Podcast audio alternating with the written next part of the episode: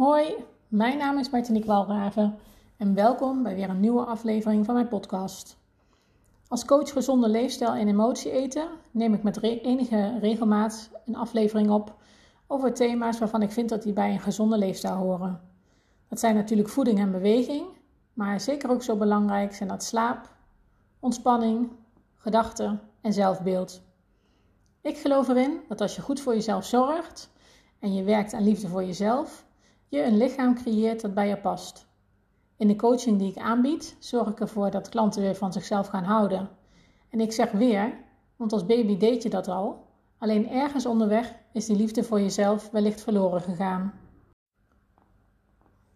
De aflevering van deze keer gaat over omgaan met een negatieve gebeurtenis. Het is een eh, thema dat een klant van mij heeft aangevraagd, uh, dus daar wil ik het graag eh, met jullie deze keer over hebben. Maar dan, want wat bedoel ik met een negatieve gebeurtenis? Ehm, ik heb het hier over alle dagelijkse gebeurtenissen die jou raken, op welke wijze dan ook. Een voorbeeld, je wordt afgewezen voor een baan waarvan je had gehoopt dat het wat zou worden.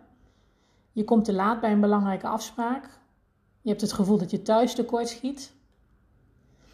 Hoe ga je daar nou mee om?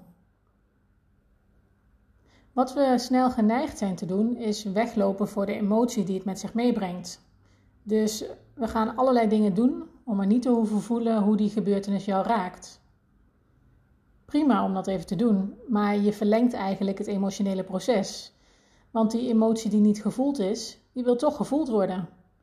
Het is, zoals je wel eens hoort, als een bal die je onder water wil drukken. Um, of nog zo'n mooi voorbeeld als een overvolle kledingkast waarvan je de kastdeur wil sluiten. Als, het, als er te veel in zit, wil het er toch uit. En net zoals met die bal die onder water wil drukken, die wil toch weer omhoog. Maar goed, wat kun je dan wel doen? Um, wat je wil is dat je de emotie er laat zijn. En ik weet dat dat niet makkelijk is. Ik zelf vind het fijn om een meditatie op te zetten bijvoorbeeld.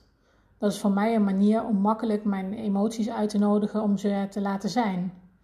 Ik heb daar ook al eerder een aflevering over opgenomen, te weten uh, nummer 6.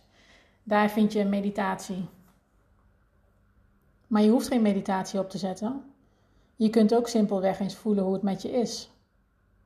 Dus wat voel je aan emoties?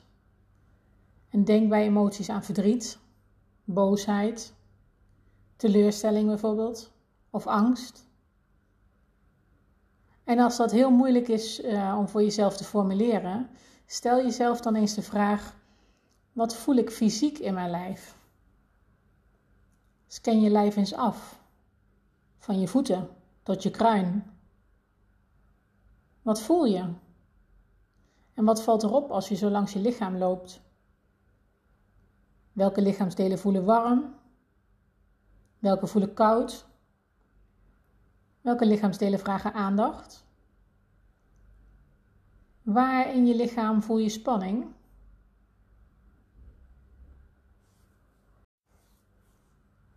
Op deze wijze sta je stil bij wat de emotie die je voelt op dat moment met je doet. Zo maak je ook ruimte voor de emotie die, er op dat moment is. Je geeft er aandacht aan. Maar je kunt bijvoorbeeld ook gaan schrijven. Schrijven wat er allemaal in je hoofd zit. Schrijf op wat er is gebeurd. Schrijf ook op wat het met je doet. Hoe je je voelt door wat er is gebeurd. Welke gedachten het bij je oproept. En wellicht ook welke behoeften je hebt. Schrijven vind ik zelf altijd een fijne manier om inzicht te krijgen in wat me nu precies dwars zit. Ik snap mezelf dan beter. Maar je kunt natuurlijk ook een stuk gaan wandelen om je hoofd leeg te maken. Of je op een creatieve manier uiten. En dit voelen, hè, je hoeft het niet leuk te vinden om te doen. Verdriet, teleurstelling, het zijn gevoelens die niet altijd even makkelijk zijn om te voelen. Maar het gevoel gaat niet weg door ervoor weg te lopen. Weet dat het er nog is en dat het nog een keer de aandacht wil. Ik heb nu een aantal voorbeelden de revue laten passeren. Welke zou voor jou passen? Dus welke wijze zou voor jou passen?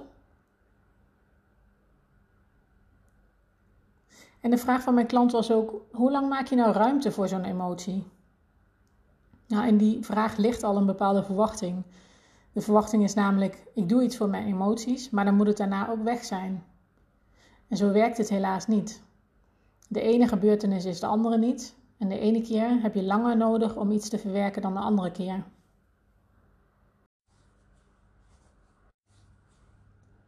Accepteer dat en wees vriendelijk naar jezelf.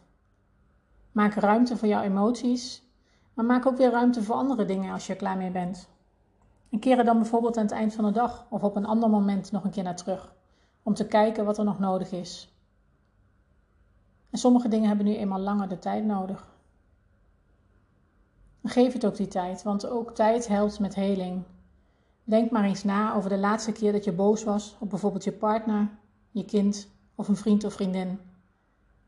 Meestal zakt die emotie, in dit geval de boosheid, die zakt wel weer naarmate je verder bent in de tijd. Tenzij het om een hele heftige gebeurtenis gaat, dan kan het nodig zijn dat er eerst iets anders moet gebeuren om de boosheid los te laten. Maar tijd kan zeker ook een helpende factor zijn. Wees mild, wees extra lief voor jezelf.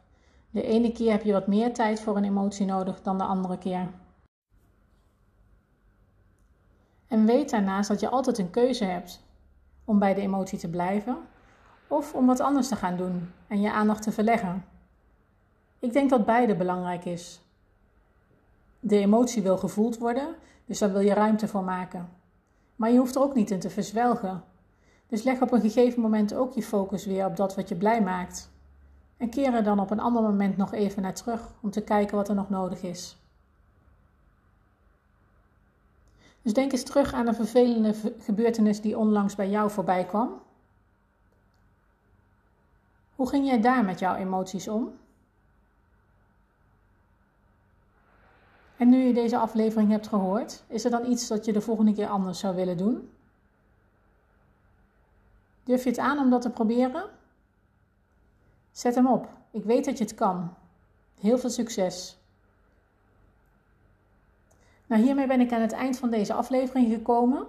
Vind je mijn podcast nou waardevol? Dan vind ik het heel leuk als je deze deelt met vrienden, familie of andere mensen die voor jou belangrijk zijn.